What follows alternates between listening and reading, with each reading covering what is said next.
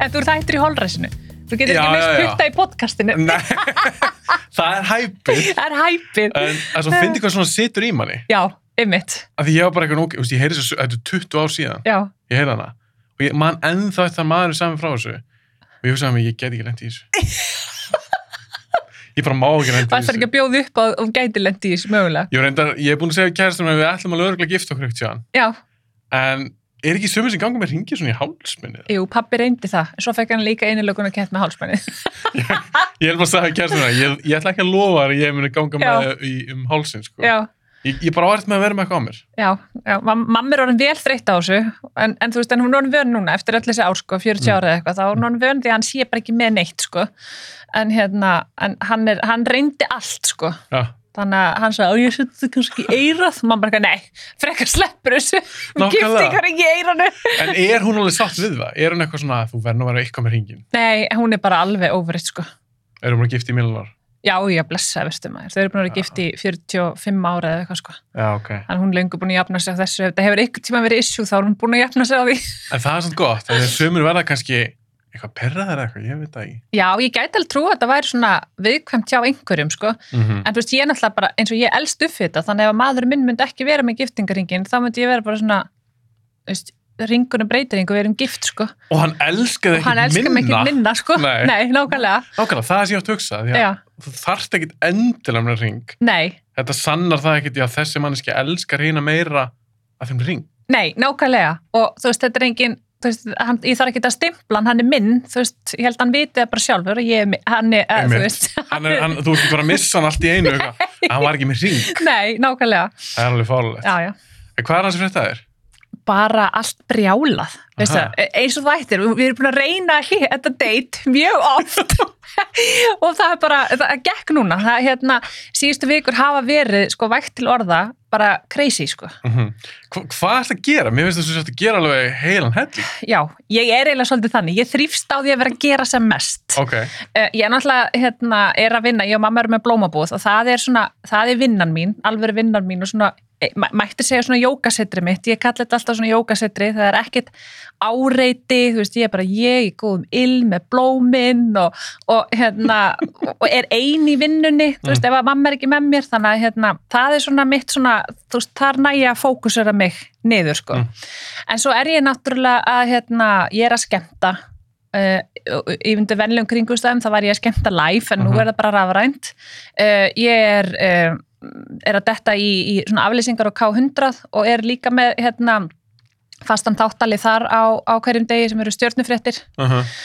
og já, þú veist, þetta er bara og náttúrulega skemmtibransin er náttúrulega mjög vítt hugtak eh, mjög vítt svona hann að hérna, ég er að veislustýra kynir bara, jú, þú veist, jú neymit sko, ég gera það En er það ekki svolítið dögt í dag? Sko, það var náttúrulega dáið í átta mánuði Já. Frá, til dæmis frá janúar og fram í mars að þá var ég að skemmta hver einustu helgi 5. fyrsta lögadag bara, Mhm, og ég fann eiginlega ekki fyrir því sko fyrir COVID skall á þarna í byrjun mars mhm. að ég var orðin, batterið mitt var að tæmast sko, ég bara fattaði það ekki af því að ég var í konstant kerslu sko og hérna, þannig að ég eiginlega sko þegar COVID byrjaði þá var þetta bara svona, ha, þú veist ég fekk bara smá að hlaða og vera bara heima og þurfti ekki að hugsa um að vera eitthvað skemmtilega og finn sem ég er náttúrulega samt alltaf. En varst, það neitt í afslöpun? ég var neitt í afslöpun sko. Og hérna þannig að uh, svo náttúrulega bara dói þetta þú veist, það færið allir ásatíðnar og eitthvað svona fram í mæ það held allir að COVID er búið í mæ Mm allir allir að halda bara hérna, einhverja sumar skemmtun og júni og eitthvað svo leiðis og svo náttúrulega fengum við ágætt sumar en það var lítið að frétta samt, það var ekkit verið að hendi ykkur skemmtanir, allir bara út um kvipin og kvappin í einhverjum ferðalögum og svona. -hmm. og þannig að það voru, ég var með sko til dæmis, ég var fullbókuð í oktober bara af ásáttíðum sem átt að vera í mars bara hver einustu helgi, första lögadaga allir að tróða sér bara á sama, sama staðin sko.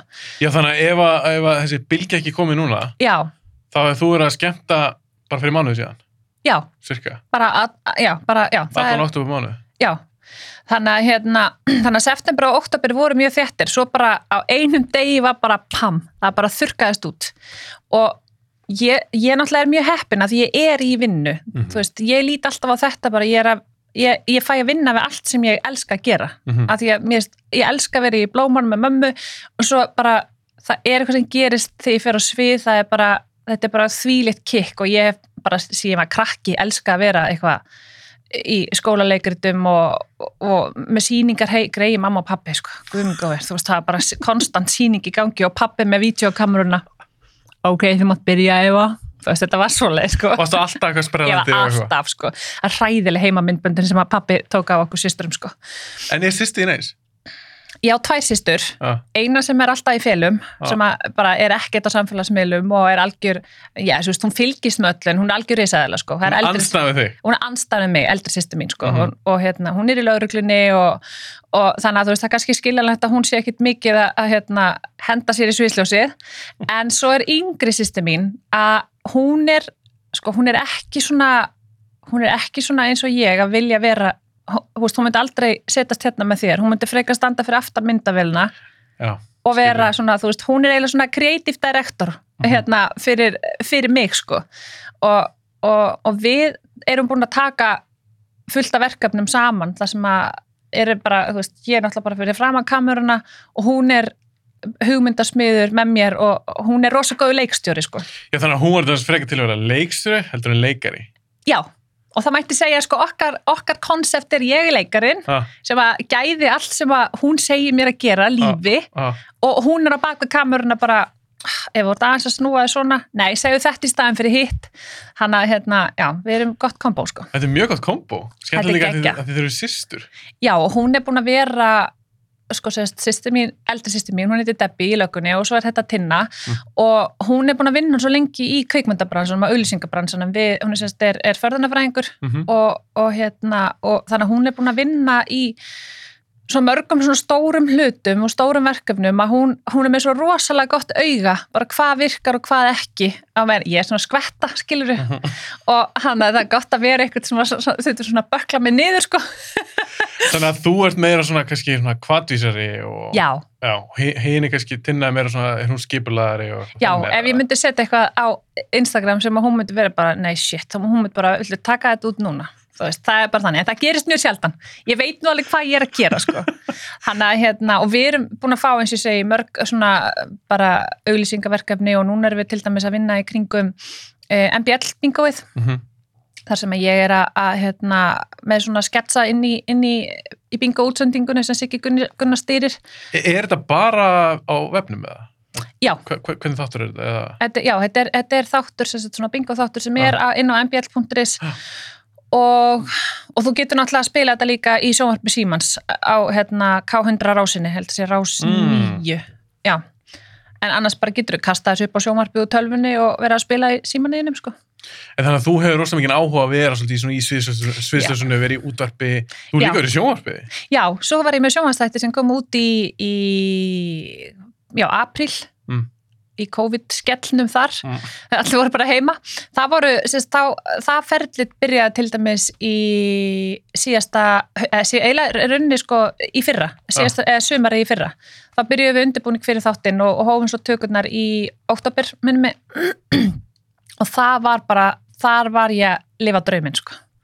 Það er eitthvað sem ég hef alltaf, alltaf langað til að vera með sjónvastátt og þetta var bara voru þættinni mannlíf og þau hjá uh, Byrtingi Mhm. sem eru semst mannlíf og hús og hýpili og geskjafin að, að þetta var svona þeirra, þeirra hugmynd, þetta er semst þeirra konsept og, og hérna og svo var sagafilm sem sá um að framlega þættina og mér fannst svo gaman að þau vildu fá mig sagt til að stýra þættinum og vera þáttastjórnandi og þau lefðu mér svo mikið að koma með hugmyndir og input og þú veist, við fengum náttúrulega, gerðum þessa beinagrind öll saman og þú veist, og þetta var náttúrulega þeirra svona baby, Mhm. en þau lefðu mér svo mikið að gera mitt líka og vera með hugmyndir og ég og, og Þór Freysson sem að framleiti, sérst var framleganda þáttunum að við fengum bara svolítið að leika lausum hala og gera það sem okkur fannst passa og, og svo komið þættunir mannlíf út í já, í byrjun april, lók mars eitthvað svo leiðis. Og hvernig þetta er þetta?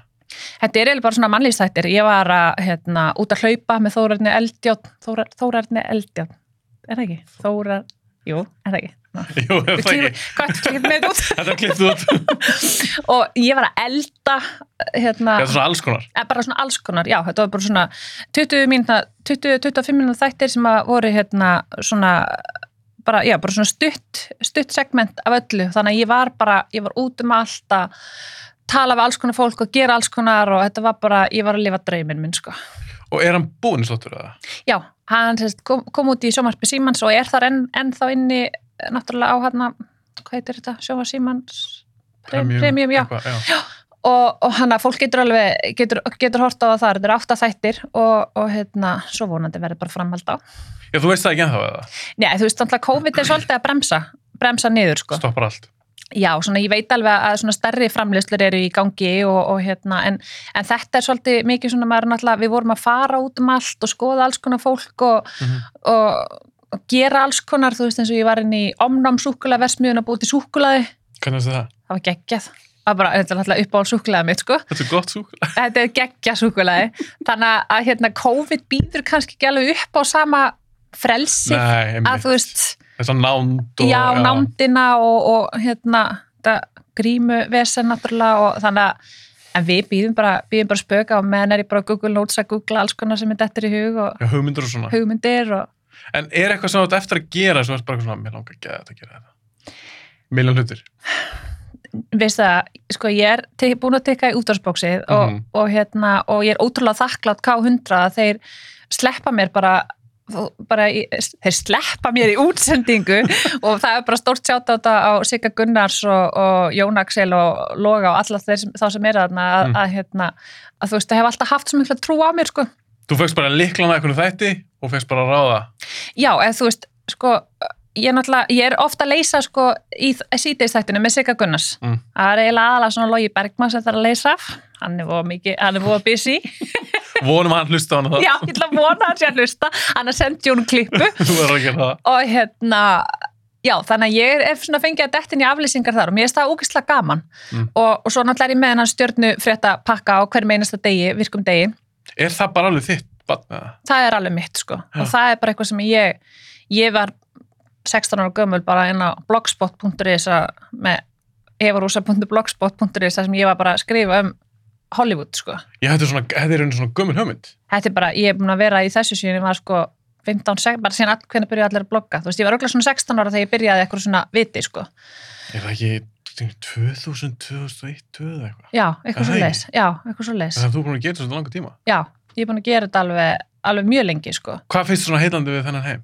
Ég veit ekki, ég vil bara eitthvað sem skilur eftir sig, eitthvað sem gerir maður klárar en ég, Það er þú ert að fjalla svo mikið um Hollywood fólk. Já, sem á vel við í þessum þætti. sem að vel við í þessum þætti sko. Og, og þessi stjörnu frétta þáttur og þetta er bara sem gerist eiginlega óvart sko, er hérna komin í, í hérna, Ísland Vaknar. Mm. á var ég, var ég hérna bruna að þangað upp yfir okkur einasta föstudegi í held ég heilt ára eða eitthvað. Mm. þar sem ég var með bara stuttan hérna hnýtt meðan svona stjörnum fréttapakka og, og það gerist eiginlega bara óvart að því ég fór bara eitt skipti til þeirra bara eitthvað svona viðtal og svo voru það eitthvað að spyrja mig hvað er að frétta stjörnunum og eftir þáttina þá sögðu við mig bara ef ég gera þetta bara í hverju viku þú kemur bara einu sinni í viku og hendur í stjörnupakkan og, og þá var ég náttúrulega að fá að allt sem ég er alltaf að skrifa á Mhm. netinu, þar var ég bara svolítið svona gæða þetta lífi í útarpi Ég skilji. og, og Það lifnaði svolítið við það. já, lifnaði við þar sko Mhm. og, og svo hérna hafði, eh, Siggi Gunnar samband við mig bara núna í, í sumar og vildi fá þetta þá alla virka daga þannig að Er þetta ekki alveg ágættis vinna? Nei, blessar. Æ. Ég byrja á stjörnufrétt og ég eh, byrja á sem Hollywood síðum áður en ég fyrir nú MBL og, og vísi.is. Já, þú meina. Það er minn rundur sko. Ok, Þannig að þú veist, mér, ég, mér, mér finnst þetta leik svo gaman. já. Mér finnst svo gaman, ég er alveg lifi og hrærist í þessum glimmer glamur heimi en ég held ég myndi aldrei meika að búa í honum sko. Ég ætla að mynda að spyrja, hefur þú komið Nei, til LA og... ég eftir að fara til Mekka. Ég eftir að senda Ryan Seacrest. I'm a uh, star journalist from Iceland. Nei, ce- celebrity journalist from Iceland. Can I come in? Draumur minna sko að fara í höfustöða Ryan Seacrest og skoða. Er hann hetjaði? Nei, mér finnst hann bara svo geggjaður. Hann er bara svona multitasker. Ég, svona, ég tengi svo mikið við hann. Veist, hann er náttúrulega bara komið með bara, bara, bara byggingu eins og við erum í hérna. Bara 5-6 aða byggingu sem er bara á fyrstu hæðinni er podcast, á annari hæðir, þú veist, þetta er bara Sem hann bara á, eða? sem hann bara á. Það er bara, bara þetta er bara Trump Tower líka við, skilur við.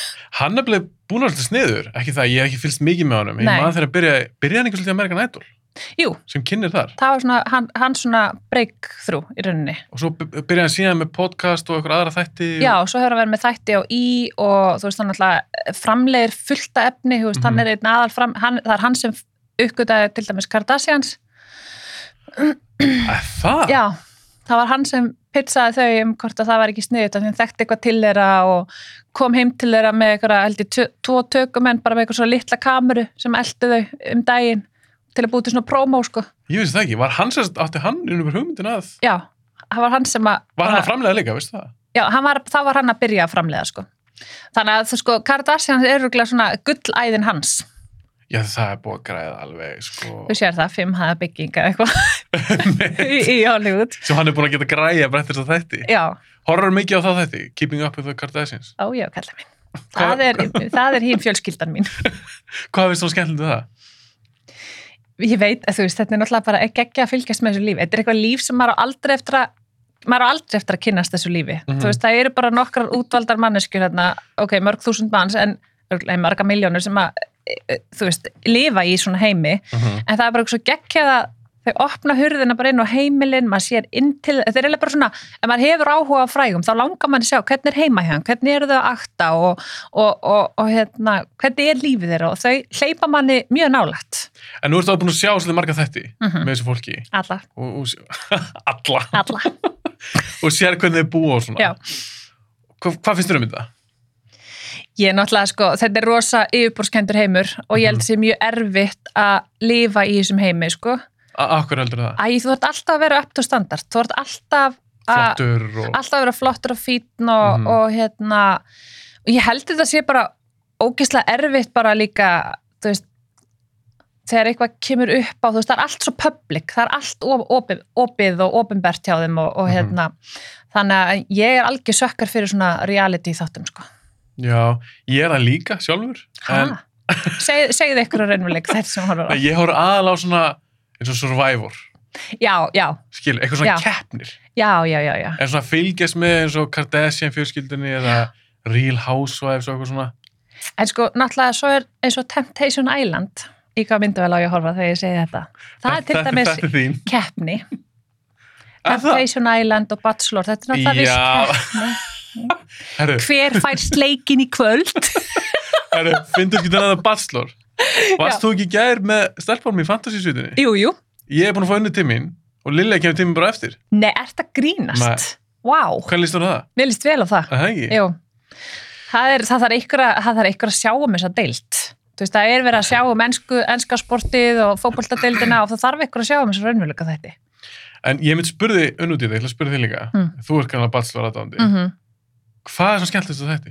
Hvað er þetta? Er drama? Er þetta... þetta er, þetta, þetta, all, þú fær allan pakkan, sko. Aha, þú fær drama, þú fær ástina þú fær sko rifrildi Já. rosaleg, ro, sko drama er ekki eins og orðið yfir, þetta er bara rosalegt dæmi sem er þarna í gangi ah, og þú veist, maðurinn minn fær sko, hann fær ofnæmis svona bráða ofnæmi þegar hann sér ég er að horfa á þetta, hann er bara, oh, getur, getur lækkað þetta getur, og ég er bara, ok, þú skalt bara fara spila tölvuleik setja þið headset kallið minn, því ég er að horfa það út ekki falla þetta mislökkva og æ, svo er þetta bara eitthvað svona, fattur þetta er vandralegt, maður er bara eitthvað oh, shit, ég trú ekki að sé að þessu þau farið sleik, rosa marg rosa margir Kynlíf. sleikar það er kyn, fyrst að, bara it has it all En er þetta ekta?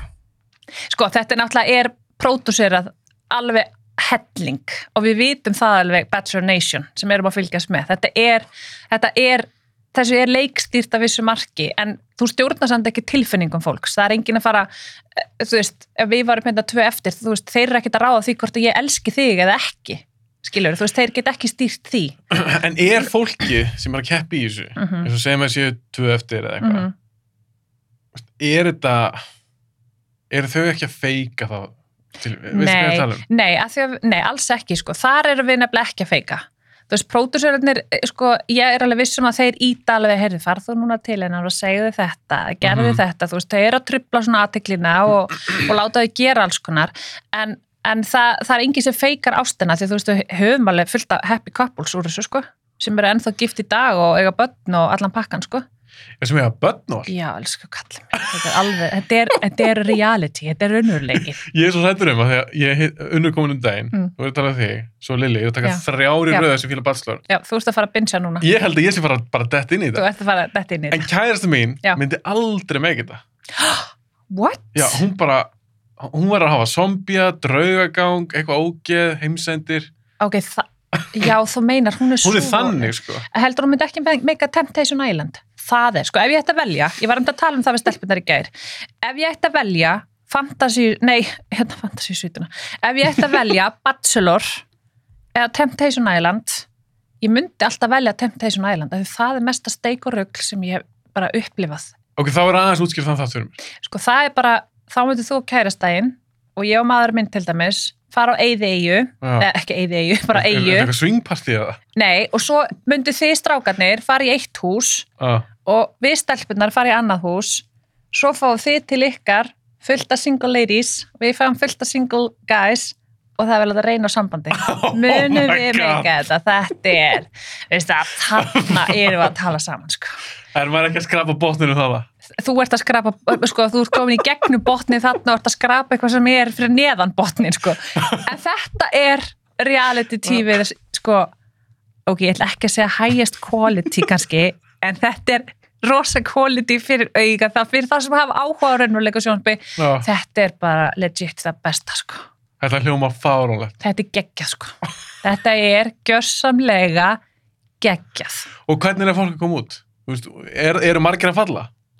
Sko það var eitt par sem survivaði síðast af held ég sex. Bara hinnir barn. voru bara bara, bara þú veist, en hversu tröst var þá sambandi fyrir? Þetta er náttúrulega er sko heilbritt samband, ég myndi aldrei segja við mannum minn, heyrðu Siggi, að það er verið að fara að taka einn upp Temptation Island. Við erum alveg nógu sterk fyrir þetta, fattar, ég myndi aldrei gera það þó ég treysti mannunum mínum 150% ah, sko, ég fyrsta lagi þá held ég þetta sé viss aðteklisík í fólki, já, 100% þú veist, það er bara þannig uh -huh. uh, og eitthvað svona looking for fame, eitthvað svona og hugsa örgulega bara svona ætti geggjað, það er bara að vera að fara með okkur á eitthvað, exotic eigu Mm. þar sem að við erum bara að fara að hafa cozy og við erum alveg nóg sterk til að lifa þetta af, svo mæta bara alla gellunar með sílarana og perfect bodies í sem minnstum fötum og hægt að bara bikini bara hérna með baby oil og eru bara I'm gonna steal your man og er allir gaurni massaðir og svona flott að já, þetta er alveg alveg, þú veist, þú fer ekki, það er ekki eitthvað, þú veist, öglibörn sem fer aðna sko. en sem það eitt, Mhm. er þetta ekki aðalega ungt fólk sem fer inn á það Jú, þetta er svona 20, já, þú veist, svona kannski 25, 20, Já, en- 25, en það er ekki- 29. það er enginn 35 ára eða 45 eða Nei, það er, og það er að sama með, já, þú veist, þessu bachelor, þeir eru alveg upp í 36, 30, jú, eins og bachelorettan sem byrjaði núna var 39 ára sko, en það er fyrsta skipt sem er svona gömul, þú veist, 39 er ekki gamalt innan að þegar ég hef, ég hef hort á Bachelor. Já, sem bara sé einn eða þátt. Já, og svo fyndi maður er svona drullald yfir þetta já, svo detti ég inn í þetta ef ég byrja að horfa það. ég veit það, ég er bara eitthvað svona, okkur er ég að horfa á þetta? Þetta er geggja, sko, þetta er alveg eitthvað skemmtilegt. Þetta er geggja. en þá er þetta oftast eitthvað tvítut lið Já, þau eru svona, sko, þau 25 eru svona kannski. 20, já, 23, sko 21 er til dæmis rosa ungt. Þú veist, það er rosa ungt í þetta. já, telst það ungt í Já, Bachelor þau eru svona, um, já, svona 20, kannski 21 til alveg 36, en ef þú varir, mm, þú ert, hvað ertu komin? 37, 37, ég var í alvörun að hugsa. 30, maður hættir að pæla í þessu eftir okkur Ég veit það, ég veit það. þetta sem ég hef lendið í þessu sjálfur ég Já. var 37 ára núna bara nú er ég bara, hvernig var ég? bara Já. nú í november Já, og ég bara, er ég 37? Já, alveg rétt já, og þú veist, Maður pælir ekkert í nei, blessa, verður maður. en ef þú varir 25 ára, Já, single, ballus og kemur einhvern tíðin, bara viltu taka þátt í þessu, ballstor, myndur segja já örgla. aha, Já, þú veist, 25 ára maður, og maður einmitt á ekki neitt og myndi vera bara, eitthvað, já, já, það er nothing to lose. en værir þú þá ballstor rétt Mm eða myndur þú fyrir ekki að vera partur af þessum hópa konur sem reyna að fá ballstor Alltaf bachelorette, sko. Innan ekki, innan ekki að vera í keppni, sko. Ég vil allir sé elda mig.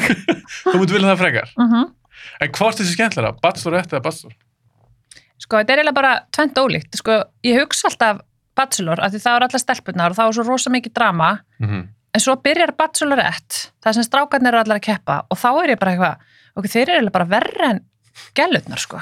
Þú veist, með að við dramatíkina og eitthvað svona. Eitthvað Un- svona macho dæmi og maður er bara eitthvað svona uh, sem er svona rosa svona uh, þetta er bara, þetta er, þetta er lífið sko. Unnur sagði Bachelorette. Já, að ég spurði hann líka út í þetta. Mm. að því hún sagði, ég er svo vön að sjá eitthvað svona konur rífast. Já, en það var svo gaman að horfa fullt af köllum. Já, ég get ekki já, ég get ekki ákveðið mig sko þetta hefur, þetta hefur sín sjárma bæði. En er ekki ennþá sami kynir og allt Jú, Chris Harrison. Chris. Ég vil sjá hann sem sko fórseta bandaríkjana. Ég veit að ég, hann myndi stýra þessu landi eins og meistari í alvörunni. finnst það svona flottur Mér finnst það geggjaður og hann er líka rosa svona, sko, maður heyrir bara aldrei talað illa um hann. Æ, veist, hann er bara rosa svona lovable Mhm. gæi. Það er, veist, það er bara þannig. hann virkar mér fín Hann er virkað mér fýtt og hann, veist, það er ekkit ástæðalausu að hann er að stýra þessu. En það er oft með þess að kynna eins og Ryan Seacrest. Mm hann er, ég held að hann sé búin með American Idol frá byrjun, Já, er og ég meina það er líka eins og með hérna, Miss Universe, keppnina úti Ah. Steve Harvey, hann er búin að vera frá upphafi kynir þar sko held ég. Ótrúlega hvað sumir endast í í svona já, það er, það er vist þannig út í bandaríkjunum að þeir eru úst, ef að til dæmis Ryan Seacrest myndi ekki verða kynir í American Idol þá eru það rosa sjokkar af því að fólk vil sjá bara, þú veist, sérstaklega eins og það gengur vel, þú veist, hann er að gera þetta vel. Já, þú veist, það er alltaf riski business af því að hann er orðið svo mikið andlit hann er bara andlit idolsins, fólk tengir hann við idoli og þetta er svona, eiginlega bara, veist, hann er bara vörumerki. Svo líka bara eins og með þetta lið sem er svona kynnar frá stórum þáttum. Mm þetta er að fá alveg hellingspening maður. Já, þetta er vel borgað, sko. Já, þú veist, við erum bara að fá eitthvað klingið á Íslandi fyrir, þú veist, sama konsept skilur Mhm. en peningarnir úti eru náttúrulega, þetta er náttúrulega miklu starra allt miklu meira og íktara og, og allt sko, bara miklu stærra. Já, eins og ég sagði, ég horf á Survivor. Og hann er búin að vera með bara síðan byrjun, sá gæi. Hann er ekkert að vera eins og leður í framann alltaf okkur eigðegi og Nei, ég held reyndar hann sé búin að fara í eitthvað svona smá lift og, lift og, nýttökk það. eitthvað Já, ég held það. En er ekki síkast búin að gera það líka? Jú, er þeir ekki allir búin að gera það? Þeir gera það bara vel, þeir eru náttúrulega með góða lítalekna. En, hvað finnst þú um svoleiðis? Sko, ég er alveg þar að, þú veist, ef fólk vil láta að laga eitthvað hjá sér, Mhm. bara go for it ef, þetta, ef þið líður betur með það, en þú veist, en svo finnst mér líka alveg mörkin líka eitthvað staðar, en mörkin hjá sumum eru bara komin á svo allt annan stað heldur en hjá venjulegu fólki, þú veist, það hættir að sjá sig eins og það er í spekli, Mm -hmm. hana, hérna, en þú veist, ég er bara, þú veist, ég myndi aldrei setja eitthvað út á líta að gera þannig, Ég meina, við erum ekki að dæma. nei, skilurðu. nei, Alls ekki. og, og hérna, en þú veist, en fyrir mér persónulega finnst mörkin liggja alveg ykkur staðar sko, en, en hérna en ef þetta, þú veist, ef fólki líði betur með að tróða alls konar drastlísi þá bara do it Mér, mér finnst bara svo gaman að sjá bæði kallar og konur. mm Mér finnst svo gaman að sjá fólk eldast. Það er bara Já. svo eðlilegt. já, Og mér finnst bara svo gaman að sjá bara eitthvað, vá, hörðu, ég kannski sé eitthvað mynd með eitthvað leikonu eða leikara. Já. Ég er bara eitthvað, hún er ekki búin að gera neitt, hann er ekki búin að gera neitt. Og hún er bara heldur flott. já, en þær sem þú ert að sjá svo leiðis eru samt búin að láta gera alls konar Er það? já, Er það eðilega fyrir mig núna bara? já, þetta eru bara þær eru náttúrulega bara með alls konar, er alls konar meðferðir og dót sem að þau fara í þú veist En ekki undir nývin samt. Heldur það? Mm, Nei, það sko ég held að það er náttúrulega til svo mikið, komið svo mikið af alls konar öðruvísi Mm. sem að þú þarft ekki að fara undir hnífin eða endilega að fá okkur sprautur í þig skilur þú veist, það er til að þú veist, þetta, þeir liggi ykkur infraröðum ljósum og súrifnismeðferðum og þú veist, það er, þú veist, allir fjandinn í gangi þarna, sko. Já, ég til þess að tala um því Sjöla Tryggva. Já, Þá fórum við að tala um Brad Pitt. Já. Mér finnst hann ógeðslega flottur en Já. þetta í dag. En svo þegar ég horfa á hann, það er bara svona, ég held að ég búin, ekki búin að gera neitt. nei, ég held reyndar að hann sé ekki búin að, maður sér hann alveg eldast, en ég held líka, sko, hann er náttúrulega búin að eiga bara pínu töff líf undarfarin ár eftir skilnaði með Angelina Jolie og eitthvað. Ég ætla að þekka hann mjög vel, þannig að ég veit Og það ekki Brad. Ég þekki bara Já, fannst hann eldast við það? Já, mér fannst það eldast mjög við, við og, eitthvað. Ég held að hann, hann, alltaf, er búin að, er tala líka um það að hann datt í vínið og, og hérna, Mm. fór, þú veist, hætti að hugsa, hætti að hugsa vel um sig, sko. En hann er greinlega með góð gen. Já, guð, þú veist, ég er alltaf, ég er alltaf skotin í brat, sko. Þú veist, ég líka og ég er gagkinnur. Já, hann er geggjaður, hann er geggjaður. Hann er svo flottur. Já, og mér George Clooney líka. Mér líka. þeir tveir eru svona legend í mínum augum, sko. Mér langar að vera vinkona þeirra, ég er alveg þar, sko. Þú veist, ég vildi óska þér vissu af því if you're watching guys, I wanna be your friends En eins og með Clooney, Já. ég meina hann er alveg orðin 50 og eitthvað. Já, 50, já, hann er ekki 52 eða eitthvað, nákvæmlega, hann, hann er alveg búin að eldast. já. hann er alltaf sexy samt, sko Hann er alltaf flottur. hann er alltaf flottur, En sko finnst en hann að virka fegg?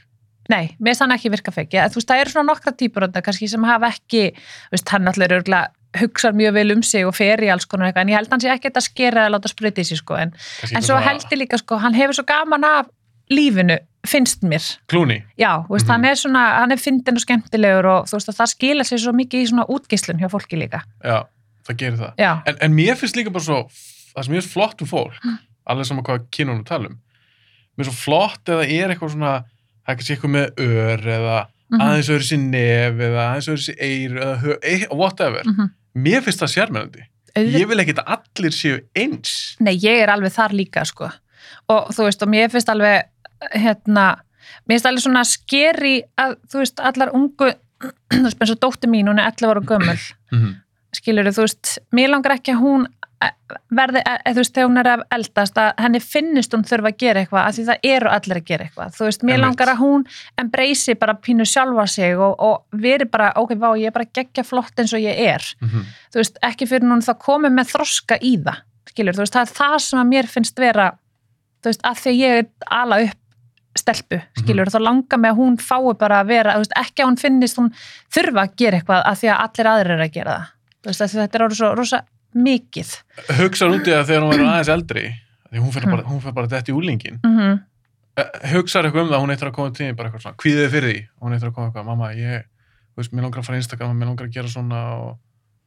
Já, ég er sko, ég er alveg grjótörð með samfélagsmiðla, ég er náttúrulega vinn í samfélagsmiðla bransanum líka, Mhm. sko þannig að hérna, þú veist, hún færi að vera með Snapchat, þú veist, það, það sem eru bara vinkonur hennar Mm og, og hérna og, og svo færi hún að vera með TikTok að því að er ég að segja, en nú er ég að brjóta öll lög má ekki vera með þetta alls við klippum þetta út líka Já, er það, er það 13 ára? Já, hún er hlusta. Það er engin að hlusta, það er Enginn er bæðið í þessu. Nei, en þar er ég til dæmis með svona eitthvað parental control, skilur og Mhm. þú veist, og þar er hún bara með vinkonu sínar og, og vini sína og, og hérna og ég er alltaf að reyna að kenna, þú veist, ég er með tvíbura, stelp og strák og strákurinn er, þú veist, hann er skýt saman samfélagsmiðla, en hún Mhm. hefur miklu meira áhuga á og svo er bara mæf og Instagram, mæf og þetta Já. og ég er bara, þú veist, nei þú veist, það er sko nógur tími frá, veist, ég veit hvað áritið er af þessu Það er gríðalegt, sko. rosalegt áritið, sko Það minnst ekki gana að heyra því þú ert, þú ert virk á samfélagsmiðlum. mm mjög, mjög virk Ert þú ofvirk? Nei, nei, ég held nú ekki. Ég er nú, ég er nú aðeins skárið en ég var þegar ég byrjaði, sko. Já, ok. Þá var ég bara, sko, þá var ég bara rosaleg, sko. En þess vegna áhugavert um þetta að spyrja þig út í þetta, því þú átt börn sjálf Mm og, og það virðist verið, ég sé þetta svolítið hjá frængu minni og frænda mínum, Mhm. mér finnst þess að hún hafi aðeins mér áhuga og reynda tveimur veldin hann, -hmm. en ég bara pæla að, þetta sé kannski meiri á stelpum Ég held þetta sem meiri á stelpum og stelpur er náttúrulega, þú veist, aðeins, þú veist, ég sé það bara á þeim, þú veist, hún Mhm. er aðeins svona á undan honum með ymsa hluti, sko. Og, og ég held þetta, að stelpur eru, hafa miklu meiri áhuga á samfélagsmiðlum, sko, miða við bara mína upplifun af þessu, sko. Hvað ætli það sé? Ég veit það ekki.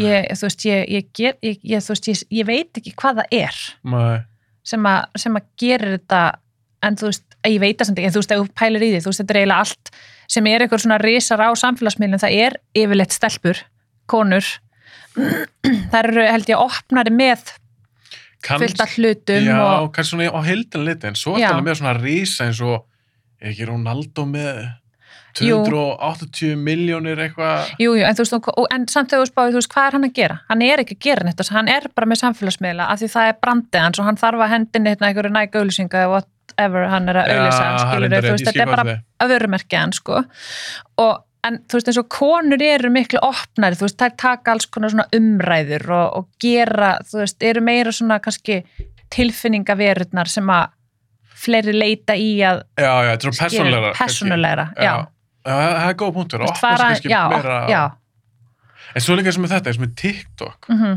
Ég er ekki mikið inn í TikTok. Nei, ekki heldur. Ég þekki þetta lítið. Já, Þetta verðist vera að mikið svona eitthvað dansvídeó og fli hún er í búðinni með mér, hún er bara bara í einhverjum kippum að taka einhver spór og ég er bara svona, þú veist, hún er ekki eins og hún ekki eins og með síman sinn, hún er bara þú veist og þetta er bara eðlilegt, þú þú fer bara í hagkaup eða eitthvað, þú veist, þú sér bara alla stelpur á sem aldrei, eru bara með eitthvað svona rikki og kippi og eru bara, þú veist, að dansa, skilur við ein vinkona mín sem er okkar aldrei Já. hún á stelpu, ég held að hún sé 10 ára líka 10 Mhm. 11 ára eða eitthvað hún er með tók vídeo henni, svona leini vídeo. Já, þá var hún eitthvað, hún var ekki svona að taka þessu upp. Einmitt. Og eitthvað svona kip. Þau eru bara að æfa dansin og sko, þar finnst mér TikTok að þetta er það sem stelpan mín er að gera. Já, ef hún er ekki að gera einhver ástarmyndböndum vinkonu sínar já, eða hundin okkar, þá er hún að gera dansa. Og, og hérna og þú veist, og mér finnst það krútlegt og, og ég, þú veist, og ég, mér finnst alltaf veist, eh, hef alltaf sagt henni að vanda orðin sín á þessum miðlum og svona. Mhm, en enn í dag að þá, veist, það er þetta sem ég hræðist þú veist, að það er svo rosa dómharka og sérstaklega hjá krökkum sem hafa ekki Grimmir. þroskan, er svo grimmir mhm. og ég, ég er alltaf að hugsa bara, ok, 2020 við erum konstant að ræða um einelti og orðin og hvað við, þú veist, hvernig við viljum að þessi komið fram við okkur og við erum með fullt af geggjum fyrirmyndum sem hafa opnað sig um eins og Salka Sól veist, hún er bara beint til krakkana. Mhm. uh, þú veist, Stefán Kall var náttúrulega geggja starf með regnbóðabönnin en samt í dag er ég bara, er þetta samt ekki að skila sér inn hjá börnunum sem að eru bara að kommenta hinga og þanga á TikTok og Snapchat og allstað bara eitthvað, þú þetta- og þú veist, segja orð sem að maður bara, þú veist, glætan, veist, þetta, var, þetta er ekki einu svona orð sem ég notaði þegar ég var á sem aldrei, sko. Nei, og svo hafa verið að sína fyrst bara allir eins og ég hef lesið í fjölmjölum þá er það kannski að sína eitthvað svona dæmi Mm þú veist, þá er þetta ekki screenshot af eitthvað sem eitthvað krakki sendi öðrum krakka og viðbjóðurinn ég, ég bara, ég skildi ekki. ekki heldur veist, þetta, þetta er svo fjarlægt, ég, ég er svo hissa ef ég sæi barnið mitt skrifa svona. Já. Og ég, er, og ég er hissa, þú veist, sem betur fyrir hafa börnum mín ekki lendi í einhverju svona hérna, netbúlís eða einhverju svona rafrænu drasli, sko. mm En ég er sann svo hissa að krakkar séu, þú veist, það vita, það er enginn að segja mér að 11-12 ára krakki viti ekki hvað einhelt er. Nei, nákvæmlega veist, það er enginn að segja mér að þau séu ekki með þroskan í að vita hvað það er. Nei. En samt einhvern veginn er þetta í þeim áfram, sko. Já, ég meina, svona alltaf getur maður alltaf bakka með þetta hvernig er heima hefð Já, já, já, já, krakkar sem er svona grófir já, já. og, og mér finnst það skellin þetta því að þetta er núna búið, þetta er búið færast þetta er ekki bara lengur í skólanum, Mm skilur svona face to face Já, það er kannski verið að leggja badnið til einelti uh, þegar badnið er eitt heima bara upp í svennabríki einmitt. Það er það sem er svo skeri með samfélagsmiðla, þannig að þú veist, svo falið. Já, þetta er svo falið, þannig að þú veist, til dæmis reglan mín eins og að þú veist, hún vera með Snapchat að því að öll, öll spjöllin sem eru að nynni seifast og hverjum einasta kvöldi teki síman hennar og ég fer yfir hvernig hún ringdi, hvernig hún eh, var að tala við SMS, veist, og hún veit alveg ég gerir það og þú veist, ég er ekkert eitthvað veist, að fela það neitt og við förum alveg yfir þetta saman og, og ef það er eitthvað sem að mér líkar ekki, þú veist, þá ræði ég það við hana og, og ég vona, vona að það síist inn hjá henni. en, en þegar hún fekk, eh, Snapchat fyrst áttur það eitthvað svona spjall við hana? Settstu niður með henni og fóst yfir þetta? Já, hvernig var það spjall? Bara uh, fínt sko, þú veist, hún skilur þetta alveg og, þú veist, og hún alltaf veit alveg, þú veist, allt þetta sem ég er að gera á vesnast í, þannig að, hérna, þú hún veit alveg að, hún veit að mamma er að segja eitthvað sem er rétt, skiluru. Já, ég skil, hún hlustar alveg á Hún þetta hlustar alveg á þetta, sko. en eins og þegar hann byrjar, strákan, áttu ekki líka strák Jú, hann, hann er ekki búin að ræða þetta Nei, hann- hún sko gæti ekki verið meira sama um, um þetta, sko. er hann bara í töluleik Nei, hann er bara körubalt á haus, sko. Já, það er bara nummer eitt hjá honum. Já, og hún er bara, þú veist, þetta, hann er, þú veist, hann- stundum er ég bara eitthvað að reyna að ná í hann og þá þarf ég bara að ringi alla vina hans að því að síminn hans er batterslaus heima. Mm. Á meðan að dóttir mín er alltaf, þú veist, hún er alltaf með símann sinn, þú veist, ég veit alltaf, hún, ég þarf ekki að setja neitt trakkar á hana. Nei, Þannig að, hérna, alltaf með síma allt, já, þú veist, hún er, hún er alltaf með símann, skilur, hún er að fara eitthvað og, og gera eitthvað og að, hérna, sástu Á Já, þú veist, ég er búin að heyra óksla mikið, já, en fattar þú veist, ég veit alveg ég myndi að horfa á hana. Já, og ég veit þetta er ákvæmstlega valið allt sem þeir eru að segja og eitthvað svona. Og þú veist, mér líður þess að ég hafi hort á hana að því ég er búin að heyra svo mikið um hana. Og ég veit alveg, þú veist, ég myndi að horfa á þetta og vera bara, oh my god, slökku öllum tilkynningum og allt þetta skiluru já. í svona þrjá daga, svo væri ég bara turn on, turn on, turn on. Þú eru, nextlu í þrjá daga. Já, svo myndi ég bara gleyma þessu. En, en það sem ég varst áherslu þessu mynd Mm. ég leikit að raka mikið út í hana nei, nei, en ég var ekkert eitthvað þegar ég sá hana þá var ég ekkert eitthvað bara, ha, nei, ég trúi þessu ekki er þetta svona, já. Þú veist, þetta alveg. Maður veit þetta alveg. En þú veist, ég er samt alveg sko, ég er samt alveg á því og hef heyrt umræðan um það, mér er alveg ætti að sína þetta í skólum kannski, veist, taka verkefni úr þessari mynd Já, fyrir krakka, Krakka. eða svona úlinga. úlinga, Já, þú veist, frá, frá 11-12 ára kannski að búa til eitthvað, þú veist, láta að horfa á myndina og vinna verkefni út úr þessu og, þú veist, opna þessu augun þeirra, af því það er miklu meira áreiti hjá þeim á Mhm. þessum aldri Já. og þau eru svona að navigata sig í gegnum þetta allt saman, þú veist, í staðin fyrir okkur skilur, við vitum alveg hvernig þetta virkar Já.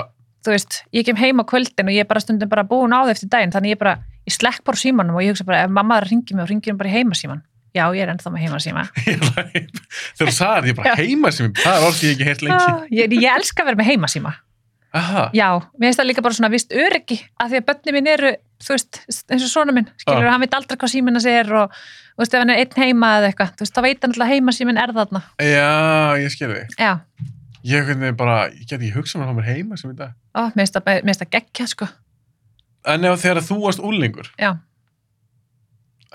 það, það ef að að að Instagram, Facebook og allt þetta hefur til þá, shit, ég hef verið svo þreytandi, sko. heldur það hefur verið slæmt fyrir þig? Já, ég held að það hefur verið slæmt fyrir mig. Þetta, þetta byrjaði á réttum tíma fyrir mig, sko. Að það? Já, við vinkonundar höfum alveg oft talað um það bara, guð sé lof að Instagram var ekki bara með við statusuna sem maður er að sjá 2009 á Facebook þá er ég bara, wow, ef að Instagram hefði verið komið, þá hefði það verið verra heldur en statusöðnir 2009 sko. Er það að skoða þína gamlu status? Já, í hérna memories. Og er það hræðilegt? Nei, veist það, ég bara, þú veist, var ég á ekkur eða? Ég skil ekki neitt hvað er að gerast þarna, sko. Hva, hvað varst að skrifa?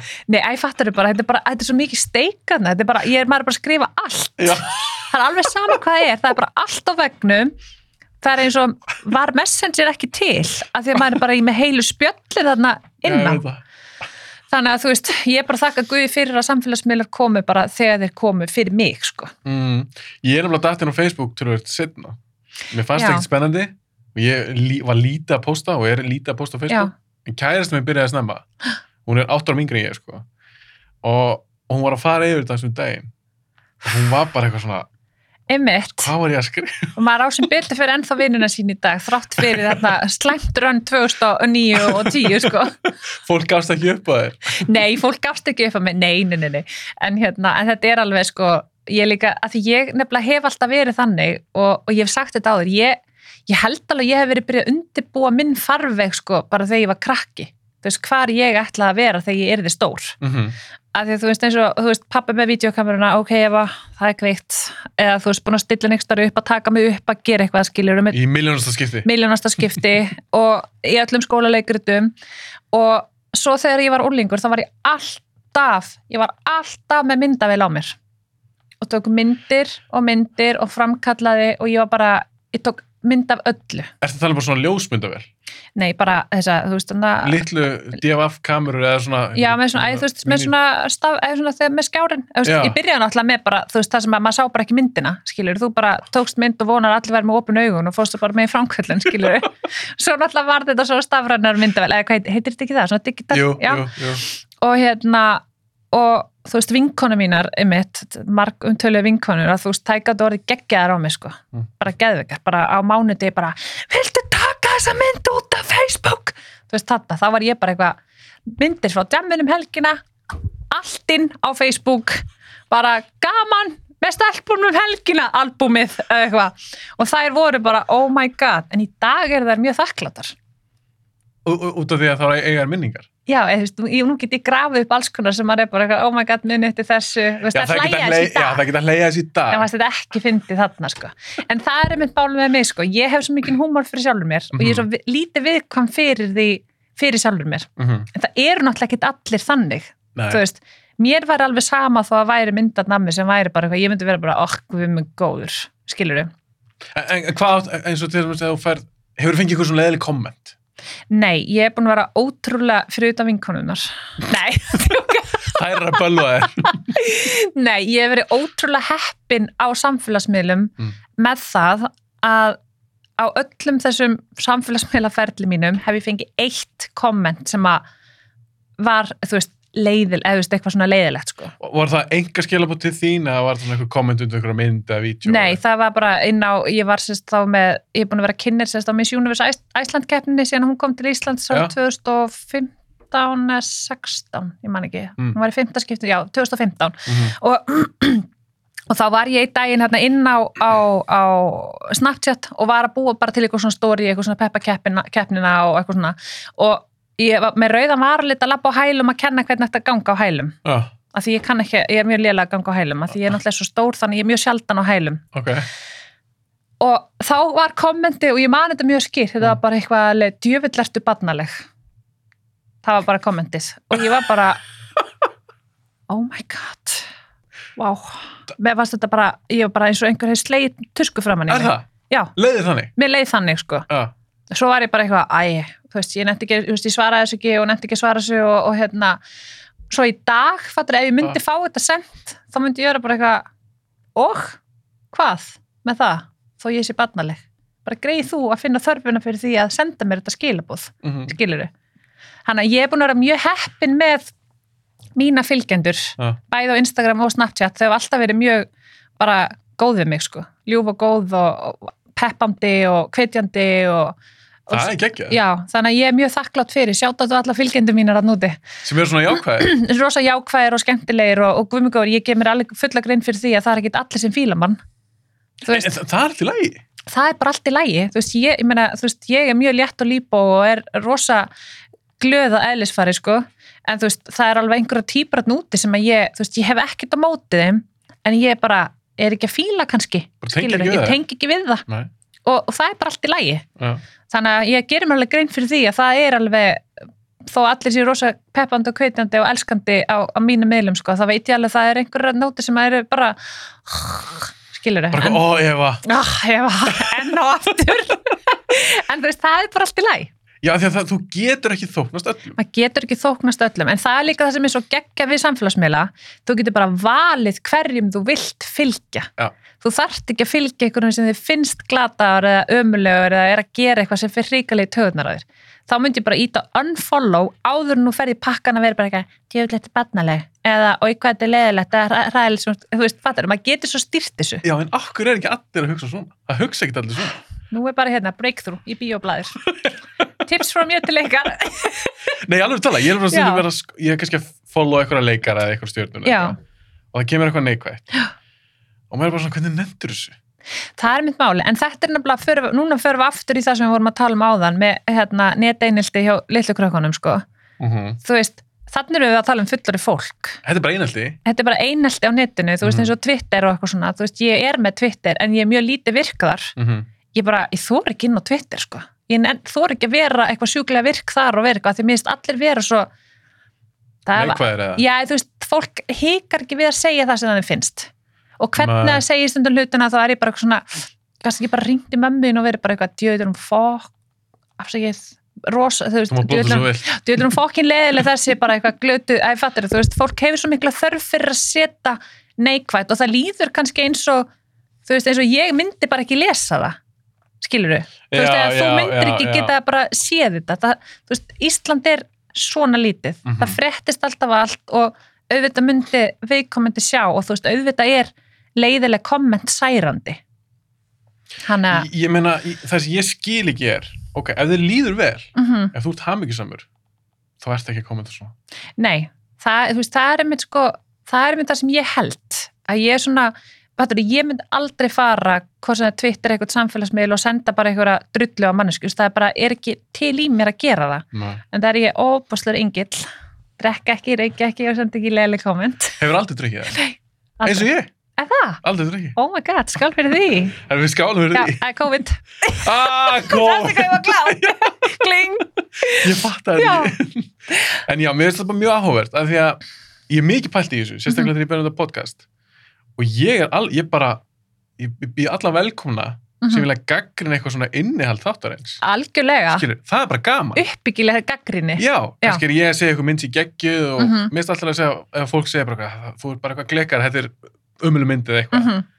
En ekki fara í persónulega árás, mér finnst það svo lélegt. Að það, er, það er eitthvað sem ég hef aldrei skilja og mun aldrei skilja en ég held að veist, samfélagið bara í dag og í framtíðinni og í, veist, við munum aldrei losna við það veist, það mun aldrei vera bara eitthvað þú veist, eins og draumurinn að Stefán Karls regnbóðaböndina, allir væri bara það, það er bara aldrei heldur að fara að gerast Það það mun alltaf vera eitthvað sem að hefur eitthvað neikvægt en það er eins og þetta engin skrifin eitt fokkin neikvægt kommentur um það. Þá er ég brjálð ég hef verið mjög heppið líka og Já. bara ég hef verið að fá enga skilabóð og svona, já, bara mjög skemmtileg. Já, sko að því maður jákvætt og þú svona hlýtur að vilja að, að, þú hlýtur að vilja byggja manneskinu upp í staðin fyrir að senda ykkur leiðindi. Þú veist, þar er ég, þú veist, að Ég líka. manneskinu frekar upp og, og, og sleppa því þá frekar að því þú veist að þú sendir leiðilegt komment þú veist, þá ertu að draga manneskinu niður og látinni líða illa já, en er það ekki líka pointi? það er svolítið pointið held ég, sko. ef, ef mér illa, já, þá ætti ég að láta, láta þér líka liða illa. Já, skilur já, það er alveg, alveg pæling, sko það er mín tilfinning Nú sko. skulum við öll vera góð, krekkar. Nú skulum við öll vera góð. Leggja okkar að mörgum að ala bönnin upp í að vera blíð og góð. Það, svo fá allir sjokk þegar byrti sinna og DFF þarna eins og með strá, litla strákin í Garðabæ sem að var bara að fá morðhótanir. Skilur, þá fá allir sjokk og eru bara svona, oh my god, en þú veist, við þurfum líka að líta bara í eigin barm og vera svona, ok, hvernig er ég búin að vera að haga mér? Þú veist, get ég alveg sagt með sjálf með bara, þú veist, góð manneski, veist, allir náttúrulega eru góð manneskir, en svona í kommentakerfum og, og svo leið, sko. hann, Conor McGregor sagði þetta gott UFC fætarinn, þú veist væntalega hvað það er Conor McGregor Já, já, já. hann sagði, ég veit ekki hvort það sé hans kvót Já. upprunlega, hann sagði þetta okkur um blamanfundi hann sagði losers focus on winners Mhm. winners focus on winning Einmitt. þú veist, og mér finnst það bara svo rétt Já, þetta er alveg rétt sko. skilur, þú ert ekki að sjá Michael Jordan komment á YouTube, djölda ömeld YouTube-vídeó eða, Nei. skilur hvað við Nei, nákvæmlega. Þú veist, ef þið gengur vel og þú Já. bara sáttur þínu skinni þá finnur ekkit svona eitthvað þá löngun að vera drulli við aðra Nei, ég held, að, ég held að við mættum bara öll vand okkur að vera svolítið glöð og kátt og henda smá jákvæðin út í kosmosi.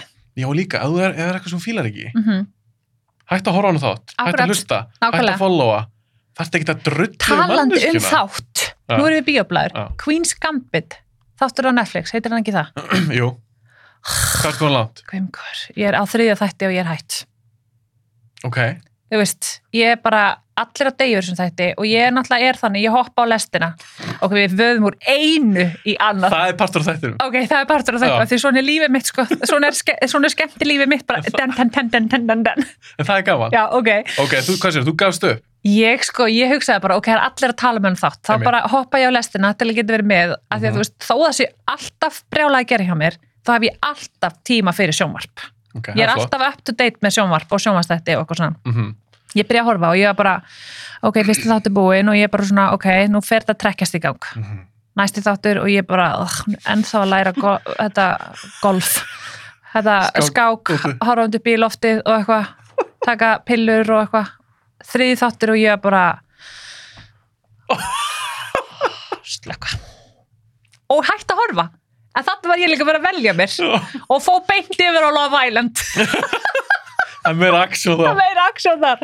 en finnur skilur nefn þess að þætti Ok, segðu mér, er ég að missa ykkur? Eru þættirni bara svona? hei, þú fórst lengur en ég Ok, ég tek góða fyrir þér ok, ok, ég held í alvöru en ég var eina mannskjan og Regina Dilljá Jónsdóttir, besta vinkona mín, ah, hún var bara, það er ekki hægt að láta það horfa á neitt. Af því hún er alltaf að segja mér hvað ég á að horfa á. Og ég er alltaf, það þarf að vera eitthvað, það þarf að vera eitthvað good shit, sko. já, ég Ef þetta er náttúrulega er eitthvað good shit sem ég bara ekki að tengja við. samt. Nei, nákvæmlega, þú kannski ekki að setja sér lélætt, þetta er bara ekki fyrir Nei, þig. nei, Ég er svolítið þar. Ég byrjaði á þessu, allir að pissi sig. já, Og ég hugsaði, þetta er um skák. emitt, maður þarf að, Og ég var bara eitthvað svona, mér finnst það svona yfir höfu ekkert svakalega spennandi, en Nei. ég er alltaf til í gott sjónvar. já, emitt, Og ég hef hort á alls konar þætti, um alls konar hluti sem ég hef ekkert áhuga á, en sem hafa verið ógeðslega góður. Og ég er bara sokk inn í. Ég gafst upp til fyrsta.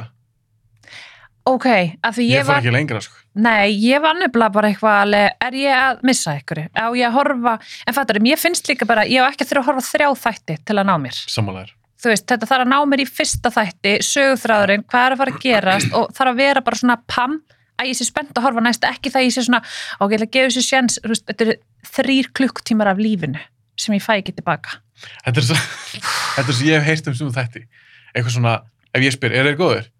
Já, þeir eru góður, en, en þú verður að klára seríun á þannig verða góður. Eða, Einmitt, maður bara svona, ha? já, Það er klúður. Komdu með pönsi strax Já. eins og hann að Krán, heitir ekki Krán Ég, ég hef ekki tórst á það. nei, Er það skemmtileg? ég veit það ekki vinkonu mínar enn og aftur segja ég ekki að horfa það, það sé ekki fyrir mig Nei. Það eru bara eitthvað, þú ættir að senda okkur drullu mauk hérna, þetta séu glataði þættir bara eftir fyrsta þátt. Það er, þó ég hafi mjög mikinn áhuga á konungsfjölskyldinni, Já. þá er þetta vist ekki þætti fyrir mig, er ég búin að fá fregnir af. Þannig að ég ætla ekki að gefa mennsinu séns. Nei. En svo er líka bara og ég sagði, sumt er alveg gott, Já, bara höfður ekki timmans. einmitt, og í dag er svo mikið af efni rosalega þú mikið getur sko. valið það þú en hvað er svona þegar þú ert heima mm og þú ert að fara að horfa á eitthvað. Velur frekar þætti heldur en bíómyndir? Það fyrir bara eftir sko ég er rosa mikið í þáttum já, og bara hvað sem er raunveruleika þættir eða ekki bara eða er mikið fólk að kela framhjáhald, rifrildi drama, bjartir litir já, grípa mig, að það sé svona bjartir litir eins og Queen's Gambit rosa brúnt allt. Það var bara, þú veist, ég var bara ég, það er bara litapalettan í þáttunum höfðaði ekki til mín og það var eiginlega svona næstu því bara á fyrstu mínundinu var ég bara, nei, ég get eiginlega ekki gefið þessu sjans út af litunum, sko, það er ekki litir. En segjum við það eitt, horfður á þetta eina með kallinum? Ein, ok, en sko, ef ég ætti að velja bíómyndir, þá vel ég helst eitthvað myndir sem ég get kannski grátið yfir. Og þá ég meina sko svona hórgrenja, mér finnst það geggjaða myndir, þú veist, Notebook Me Before You. herðu, Me Before You. Já, er það, er það myndin æ, hann er lamaður. með Emilia Clarke já, er þetta ekki svo mynd? jú, þar sem hún er eitthvað voða svona krútlega og Já. sæt og hún kynist einhverjum sætum gæja sem er í hjólastól. Já. Já, hún er vá, veistu, ég get hort á svoleiðis myndir Já. aftur og aftur og aftur. Er það að gráta núna bara að hugsa um hana? ég sko liggu við, ég fæ bara kökki hálsin og svo getur líka verið sko típan sem er bara White House Down með Channing Tatum verið bara eitthvað, wow, mér, fattar, ég er með rosalega lélegan bíómyndismæk, ég það bara þetta það bara verið eitthvað svona, þetta bara þú veist, eitthvað sem er, eitthvað deyr kannski Mm. eða bara er ógstlega sorgleg einhver finnur ástina eða, þú veist, White House Down er sko, ekkert góð mynd, eitthvað, hún er kannski bara og fannst þú hvað? en mér finnst það bara geggjuð þú veist, þú bara Aha. hjælt mér frá upphafi til enda það voru sprengjur og læti og svo er ég algjör svona, þú veist, þess að Fast and Furious og svo leiðismyndir Marvel myndirnar, þú ert í raun bara að leita að 100% afþrengu já, basically sko. Já. þú veist, ég elska Marvel, þú veist, allar myndirnar. Þú veist, ég er alveg þar sko. Þannig að þú hefur áhuga overage já, mér finnst það bara, ég er bara býð spennt eftir næstu og, já, og Fast and Furious, kappasturum ég kem svo óvart þarna sko að ég er, ég er mjög með víðan ramma sko, hvað ég, hvað ég mér finnst skemmtilegt Uh en ég er líka rosalega ákveðin hvað ég vil ekki. Þú vilt ekki leðilega myndir? Æ, nei, þú veist Mér finnst þetta logo til dæmis geggjað. Þetta er svona bjart og skemmtilegt litir þú veist, þetta grípir mig, þú veist, segir mér þetta sé skemmtilegt sko. Alvöru. En takk fyrir það, Já, alvöru, þú veist, þetta þarf að vera eitthvað svona catchy sko. Eitthvað fútt í þessu. Já, en þú veist að það átt að koma út ný Fast and Furious mynd Ég- ef- veit já, það. Frestuðinni, Þessi ég er frá að gráta þegar hann dó. Fórstu, Walker Já. fórstu í alveg að gráta? Já. sagt þegar hann dó eða Þegar hann dó, bara Já. í bílslýsinu já, Mér fannst það bara ríkalega sorglegt sko. Já, Og í bíómyndinni, þú veist hann hver, oh, veist það, það var bara, ég var bara og maður mér var bara, við erum algjöru sko, svona bíla áhuga svona Já, myndir sko, já, Já, hann var bara Eva, guðmungur í alvörunni, þú veist. Að því hann er ekki grenni skjón sko, nei, en þú veist, svo er ég bara svo heyrist bara svona í mér svo var hann er bara, yfir Fast and Furious já mér finnst það geggja samt ég er, ég er bara svona, ég er bara svona ég er tilfinning að vera já, það er bara flott Já, og ég hef alltaf verið auðvilt fyrir maður að fara að gráta og þú veist, pappi gæti aldrei skamma mig þegar ég var lítil að því ég fór bara að gráta. Hann var bara eitthvað, ég get ekki skammað hennar krakka því hún bara, það var bara eitthvað, og bara augum bara reisastór og svo bara, og maðurinn minn segir það sama. ég sé fyrir mér svona eitthvað svona Disney karakter Já. eitthvað svona, Ég, ég er alveg rosa klári í þessu, sko. ertu búin að mastera þessa Ég er list að master þetta og maðurinn minn, sko, við erum búin að saman í 20 ár uh, og við höfum alltaf verið, hérna, ótrúlega heppir með okkar samband. Það er lítið um svona konflikta. einfallega sko, hann er samt alveg með skap sko, en ég er svona eðlisfæri ekki, ég er ekki að leita að eitthvað svona rifrildi eða fæti eða eitthvað svona, auðvitað getur maður orðið pyrrar og, mhm. og allt þetta og hérna, en hann læriði það bara mjög snemma að ef hann ætlaði eitthvað að fara að rífast um mig eða var eitthvað svona sem kom upp á eitthvað, þá bara, ég var bara hann var bara, ok, ég, ég, nú er bara þetta bara búið, ég get ekki þannig að við leysum málin bara á góðu samtali, Já, ég skilji, hann Já. er bara svona, ég ætla ekki að fara í þennan. Já, hann getur ekki sér hann getur ekki sér þetta gráða, dæmi. sko. Nei, þá bara bráðnar hann eins og ísjaki og er bara, oh, ok.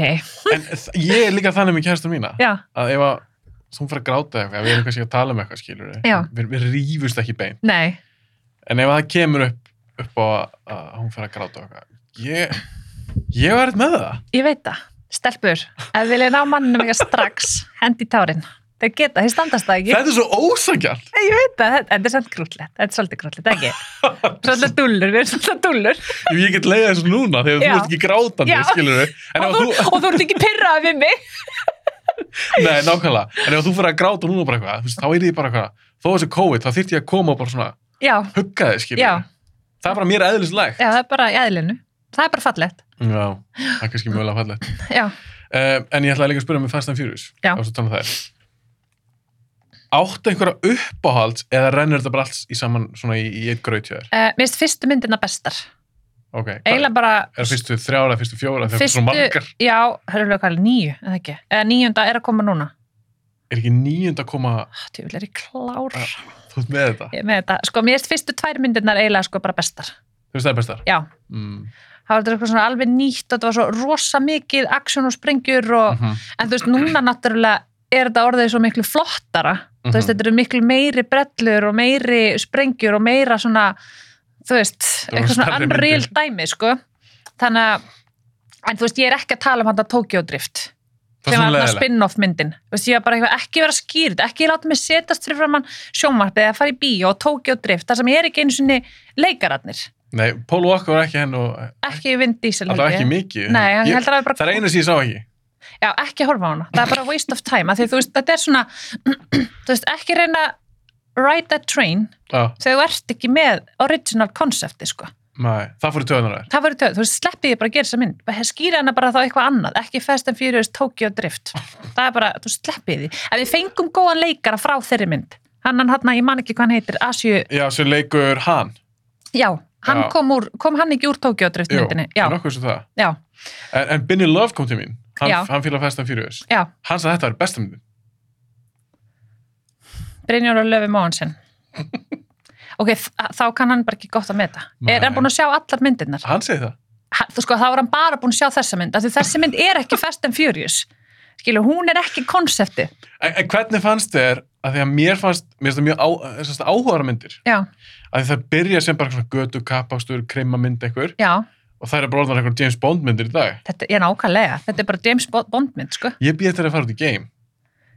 það mun gerast, en það var náttúrulega geggju líka myndin hérna var það, hvort það var síðasta mynd sem þeir tóku hérna á Íslandi Mm Með Charlize Theron já, já, Mhm. mér varst hún geggju þú veist, og það er alltaf, mér finnst alltaf bara svo geggja þeir ná að halda þessu svo fesku ég er rosa fan, sko Já, ég heyri það. já, En hvernig fannst þér? Því mér veist það ákveðin kaplaskipti þegar The Rock kom í fymtu myndinni. Fast. Five. ég get ímyndið mér að það hafi verið erfitt fyrir Vin Diesel Að fá stærri gæja. fá starri gæja og sem var með svona, að veist, þeir báðir svona massaðir sköllóttir og báðir með svona dómi, þetta er svo örgulega svona rosa dóminarandi karakter. Alfagörar. Já, en það fóru þeir líka í hérna einhverja fílu, Já, þú vissar því. ég viss að því, fylgdist mjög grann með gangi mála, sjálfsögum. En mér finnst það svona svo fárálegt.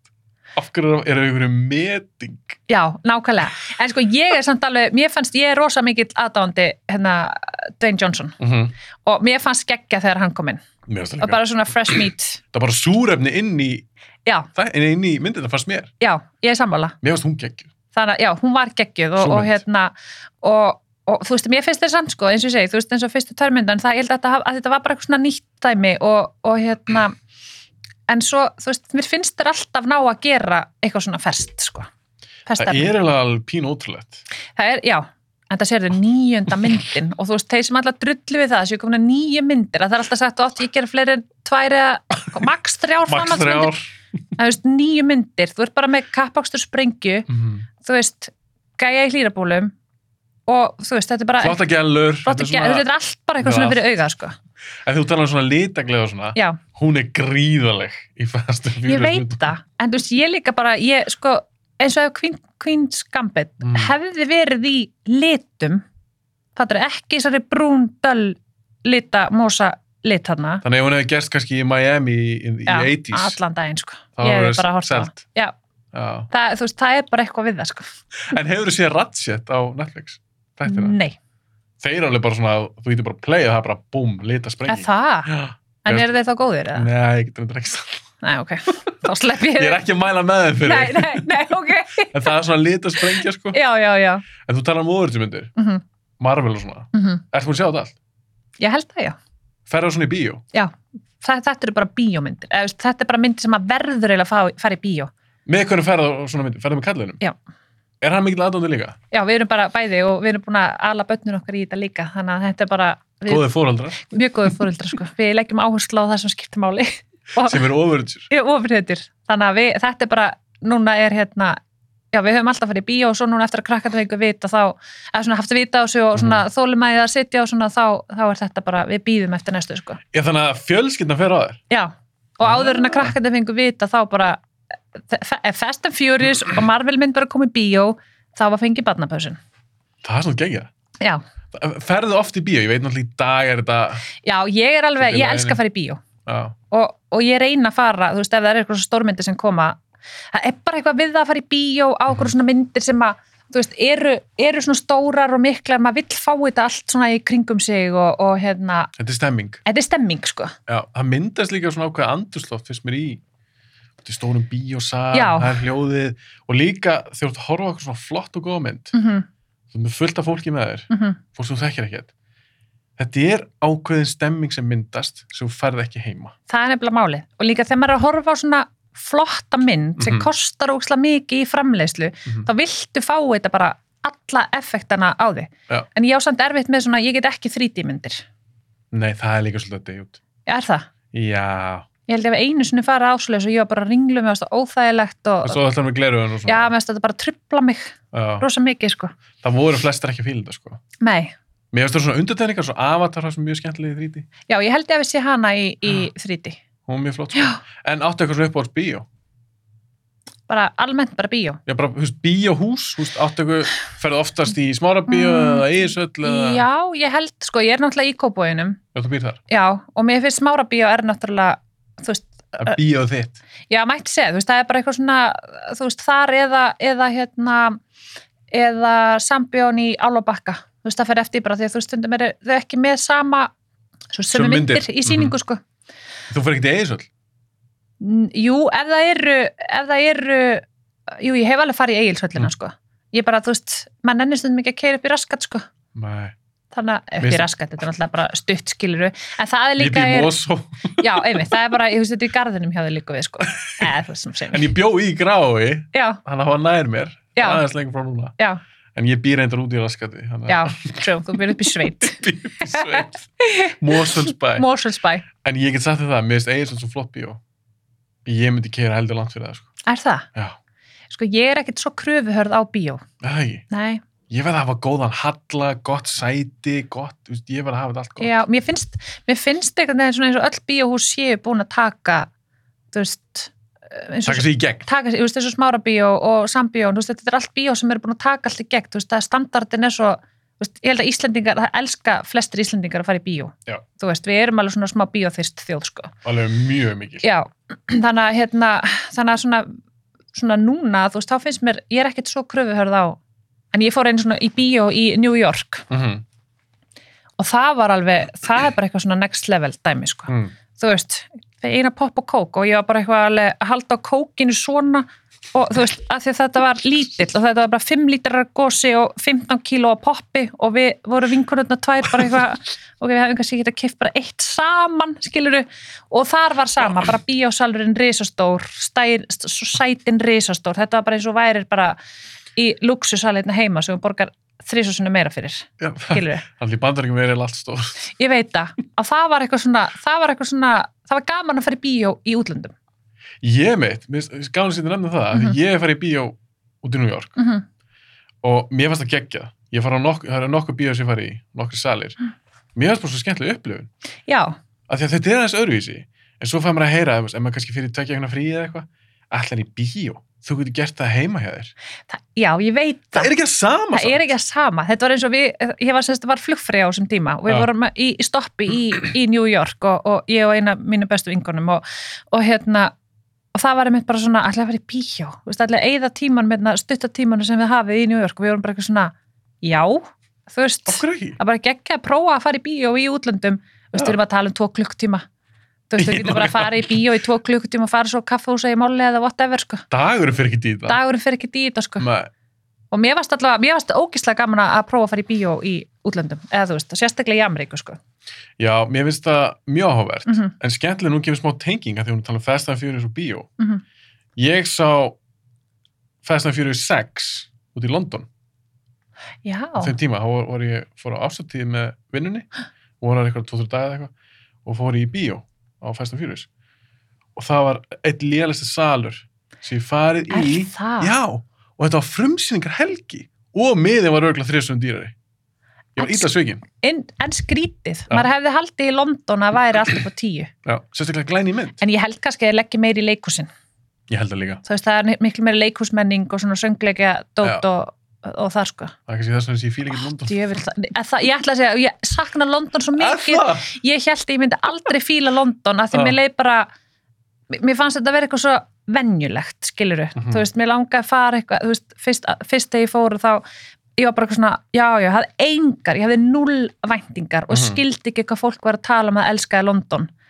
En svo fóru ég og maðurinn minn til London á tónleika og, og hérna, góði vinnur okkar býr í London Mm. og búin að búa þar lengi og hann var bara búin að senda mér lista yfir hvað áttum að gera og svo hittu við hann einn daginn og hann fó bara með okkur út um allt svona á staði sem að þú veist, út túristarnir er ekki að fara þú veist, þessu matamarkaður sem svona lókallin er á um helgar helgar og svona, það er enda skemmtilegt já, þannig að hann svona opnaði pínu augun okkar fyrir London og svo fórum við nokkur sinnum eftir það og, og alltaf í hvers skipti, Mm. þú veist, var ég með lista frá honum hann er einhvern tringdi eða hitt á okkur eða þú veist, hitt okkur kannski á veitingastað sem var búin að segja að vera geggjaður sem að maður hefði aldrei dottið í huga að fara, skiluru þannig að já, svolítið honum að þakka að, að ég elska London í dag, maður þarf eiginlega að vera með svolítið svona eitthvað svona insider, eitthvað sem leiða mann pínu áfram í gegna, sko. Er það svona, myndur sér upp á sporgi? Áttu eitthvað svo leiðis upp á stað? Nei, eða þú veist ég var náttúrulega á uppáhaldsland en það er náttúrulega kannski svolítið augljóst hérna Króatía og Slovenia Mhm. en, en hérna, já, ég held að London og, og ég var mjög hrifin að ég ætla að fór alveg margóft til New York þegar ég var að fljúa hvernig finnst þér hún svona yfir höfu, borgin? New York rosa overwhelming, sko Mhm. þú veist, ég get aldrei búið þarna Mm. en það er óslega gaman að koma í þetta craziness en þú veist, maður verður samt svolítið svona dauð uppgefin, það er svo mikil hraði mikill hraði Já. en svo fórum við til Miami fyrir þreymur árum oh, saknaði þess að ferðast maður fórum við til Miami uh, ég og maðurinn minn og vorum á, á South Beach Mhm. og þar fekk ég allt eiginlega Mhm. sko þar vorum við með Ameríku en samt með þú veist þessa hérna, latínó menningu sem ég elska Mhm. og svona dans og söng Dans og söng og- og litrík, Litrík. litrík borg Mhm. sko þannig að hérna ég held sko að þú veist, náttúrulega South Beach er ekki borg en ég held að það sé svona þú veist, það er svona staðurinn svona, ég elska London og ég hlakka ekkert smá til að fara til London ég elska að vera það sko. Mhm. en ég myndi alltaf velja Miami bara út af líka hitanum. Já, gott við erum alltaf gott viður þarna Já. og þetta var bara, þetta var bara svo styrlið ferð sko. Þú veist, fórum á köruboltaleik og þetta er, svona, þetta er svona hefur allt. Ég hef meitt sko, ég keira hann einu sinni í gegn ég farið til Orlando mm -hmm. verið það nokkuð sinnum ég hef ekki gist í Miami en við keirðum hann hún Mhm. er bílum bíl og ég var bara eitthvað svona, shit, ég verða að koma hinga aftur maður Já, það er svona Miami Vice feelingur þarna líka. já, er, það er eitthvað töffum þetta er, Já, ég, einhvern veginn mér fannst ég fá svona, að því að mér finnst New York svona töff staður, Já. en mér fannst þess að ég var að fá þannig væp plus strönd og sjó og betra veður eitthvað, þetta er töff staður allt. Já. Og þú veist, og við vorum á hóteli sem var bara rosa miðsvæðis Mhm. og var svona Miami Vice sko feelingur inni, þú veist, Mhm. innrétti, innrétta þannig. Þannig að hérna, veist, þetta, þetta var alveg bara, þetta er bara geggja sko, Þa, þanga langa mig fara aftur. þetta er nefnilega heldur töff borg Já, og Og svo- svo elska ég svona hop on og hop off bus. já, veit svona túrista Já, Dæmi. þú veist, við fyrir alltaf í svoleiðis þegar við erum að fara á eitthvað svona nýjan stað að því þú veist, þá bara er maður bæði að þú veist að rúndum og sjá Mhm. alls konar hluti sem maður hefði ekkert fattað að sjá og, og einmitt svona hopp út á stöðum sem manni finnst svona, já, ok, þetta er geggjað eða svona, já, ok, þetta er ekkert svo geggjað fyrir bara aftur í rútuna og hoppmögstar annar staðar af, sko. sétur um að tala svo mikið núna um útlönd maður er bara svona, Ég veit það, djöl maður gerir sér ekki almennilega grein fyrir hvað maður er búin að sakna þess nei, engin veit hvað átt hefur fyrir mist hefur, þetta er bara það, sko. algjörlega, ég vona svo innilega að við getum kannski fara að ferðast almennilega Já, já, vonandi á næsta ári fyrir en setna, Já. fyrir en setna. Og þá er ég, nenni ekki samt að vera með grímarstaðar og Mér finnst það ekki spennandi. Nei, það er endar, er, ég er alveg sammálaður þar sko. Það er ekkert spennandi. Það er ekkert spennandi við það sko. Nei. En maður myndi alveg láta sig hafa það. Það er það ekki. Ekki maður væri reyndar, ég held ekki að þetta væri erfitt að maður væri að fara til Tenerife, eitthvað svona hit, ímyndað svona rosa heitan stað sko. Mér finnst bara, jésús, sko. Já, Bara kapna. Ég, ég seti upp og fer í bónusin í Íslandi og ég er bara eftir 20 myndur. Já, einmitt bara, Ég meni, ég skil alveg praktikina bara að vera með grímu, já, já, en mér finnst þetta ekki þægilegt. þetta er ekki þægilegt sko. Skilur Ég er samt búin að vennjast þessu aðeins betur heldur en, hérna, heldur en í byrjun sko, þegar ég bara, mér leiðin sem ég væri bara að líða yfir mig sko. Já, en svo sem er það líka. Fólk hefur sagt um mig eitthvað, hvað, hætt að væla, þú, þú venst þessu. Mm Ég vil ekki venast þessu. Nei, þetta, maður Skilurðu? vill ekki vennjast Af þessu sko. Mér finnst þetta bara skeri. En svo þá hendur maður bara í eina litabambu og hugsa bara, ok, þú veist, við erum búin að þrauka allan ennan tíma, Mm þú veist, það er vonandi ekki mikið eftir með að við fréttir sem maður er að heyra bólefni, Vonandi. þú veist, þannig að þú veist, þetta er smá, en sko mér finnst bara þetta ára ekki teljast með, mér finnst þeirra við ættum að fá að vera aftur 36 því að 37 telst, telst ekki með því við erum ekkert búin að gera skilur við, þú veist, við erum ekki búin að lí, maður er ekki búin að upplifa neitt, að gera neitt. Þetta er búin að glata ár. já, En hvernig heldur þú að því nú er ekkert langt í bara áramót. Mm þegar við erum að taka upp núna þennan það. Hvað heldur þið að hugsa um? Bara svona tilbaka, sko, mér finnst þetta að hafa kent manni rosa mikið, þú veist, hvað? klísjulegt, bara, æ, þú veist, að vera bara þakkláttur fyrir, þú veist, það sem maður á og Mhm. þú veist, og heilsuna og ég held að, þú veist, allir séu búin að hugsa ek ekstra vel, eða vonandi, þú veist, allavega það sem er í kringum mig, eru búin að hugsa ekstra vel um sjálfan sig og heilsuna og þetta er búin að bremsa okkur svolítið af Já. bara, þú veist, eins og keislan sem ég var í, hérna, þú veist, fyrir, eh, þú veist, í byrjun árs, Mm -hmm. skilur, þetta bremsaði mig svolítið niður og ég var bara svona, vá, ok, þú veist, þetta áttamánaða breyk var bara geggjað, sko. Mhm. En svo finn ég núna aftur þegar að, þú veist, keislan er aftur að keirast í gang bara í rafrænu formi að, að hérna, að þá er ég gefið þakklátt fyrir það að það er að byrja aftur, Mhm. skilur Ég er nefnilega, ég er búin að hugsa svo mikið um þetta ár. Það er bara svo búið mikið í gangi. Samtíðin er ekkert mikið í gangi. Nei, Þetta er bara eitt stór hlutur já, sem bara, bara svona skuggi yfir allir jörðinni. En það sem ég áttum á er, eins og þú talar um, kannski ekki taka svo sjálfsögum hlut svona. mm Bara eins með þetta, að geta hort framan í fólk, taka í höndina á fólki, faðma Já. fólk. það finnst mér, það að ég er rosa knúsari, sko. Ég líka. og mér er bara hríkalegt hérna, að ég hef ekki getað tekið í spaðan á þér hérna, Mér mér- mér finnst það bara, mér finnst þessi dónuleg, já, skilur nákvæmlega. Mér finnst það rosalega skrítið. Og líka sem með það, allir með grímur, að, veist, ég verða að sjá bros og veistu ekki móðgast ef ég hitti því í bónus og fatt ekki hver þú ert sko, af því ég bara, ég lappa á alla sem ég þekki og er bara, kannast eitthvað við þessu augu, ég er samt ekki alveg að fatta hver þetta er, þú veist, þá er þetta kannski bara mamma, Mhm. við. Hann að hérna, Það skiptir rosalega miklu máli. já, ég líka misti smá heyrnina, líður mér sko. Af því ég les greinlega varir mjög mikið Já, en þú missir það alltaf þegar allir er með grímu. ég er að segja það, þú veist, þannig að, þú veist, fyrst þetta var, þá var ég alltaf, ha, hvað segir þú veist, af því ég greinilega, er, ég áttaði mig á því að ég nota greinilega, Heyrðu heyrðu illa á... nei, alls ekki, ég heyri mjög vel, Nú, ég bara, fattar þú veist, gríman er komin fyrir já, og þá sé ég ekki varirnar af fólki Ah, og ég fattaði bara svona, ó, ok, ég er greinilega að lesa varamál á sama tíma og ég er að hlusta, þú veist, Já, bara svona ómeðvitað. ómeðvitað, sko, En svo líka svona það, maður lesum ekki andlit. já, Og, og þegar við erum með þessa grímu, þetta er svo ópersonlegt, þetta er svo kall. ég veit það, Og líka bara nánd við annað fólk. Ég er að sjá þetta bara í kringum mig. eh, Sérstaklega eldra fólk. mm Þú Veist, þetta er bara stútaði. þetta er alveg, já, Einangrunin. já, þetta er, þetta er mjög erfitt, sko, Þetta er bara sorglegt. já, Ég sakna gömlu tímana. Og ég sakna það líka og sík hvað verður gaman þegar við verðum hérna eins og beljur á vorin bara það verður eitthvað, það verður eitthvað veistla sem fyrir gang þegar þetta er búið sko.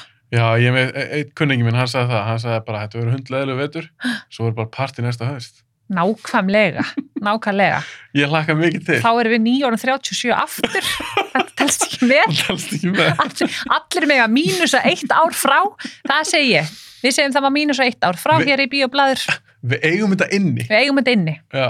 heldur betur Það er illa að sleppa þér, Eva. ok, Þetta er búið ógeðslega gaman. takk fyrir sömu Ég leiðis veit að þú var í vinnunum núna. Já, alltaf, ég er alltaf í vinnunum svo er ég bara skemmta í kvöld Alltaf nóg að gera það er hér. nóg að gera, Takk hjá að vera að koma. takk fyrir að fá mig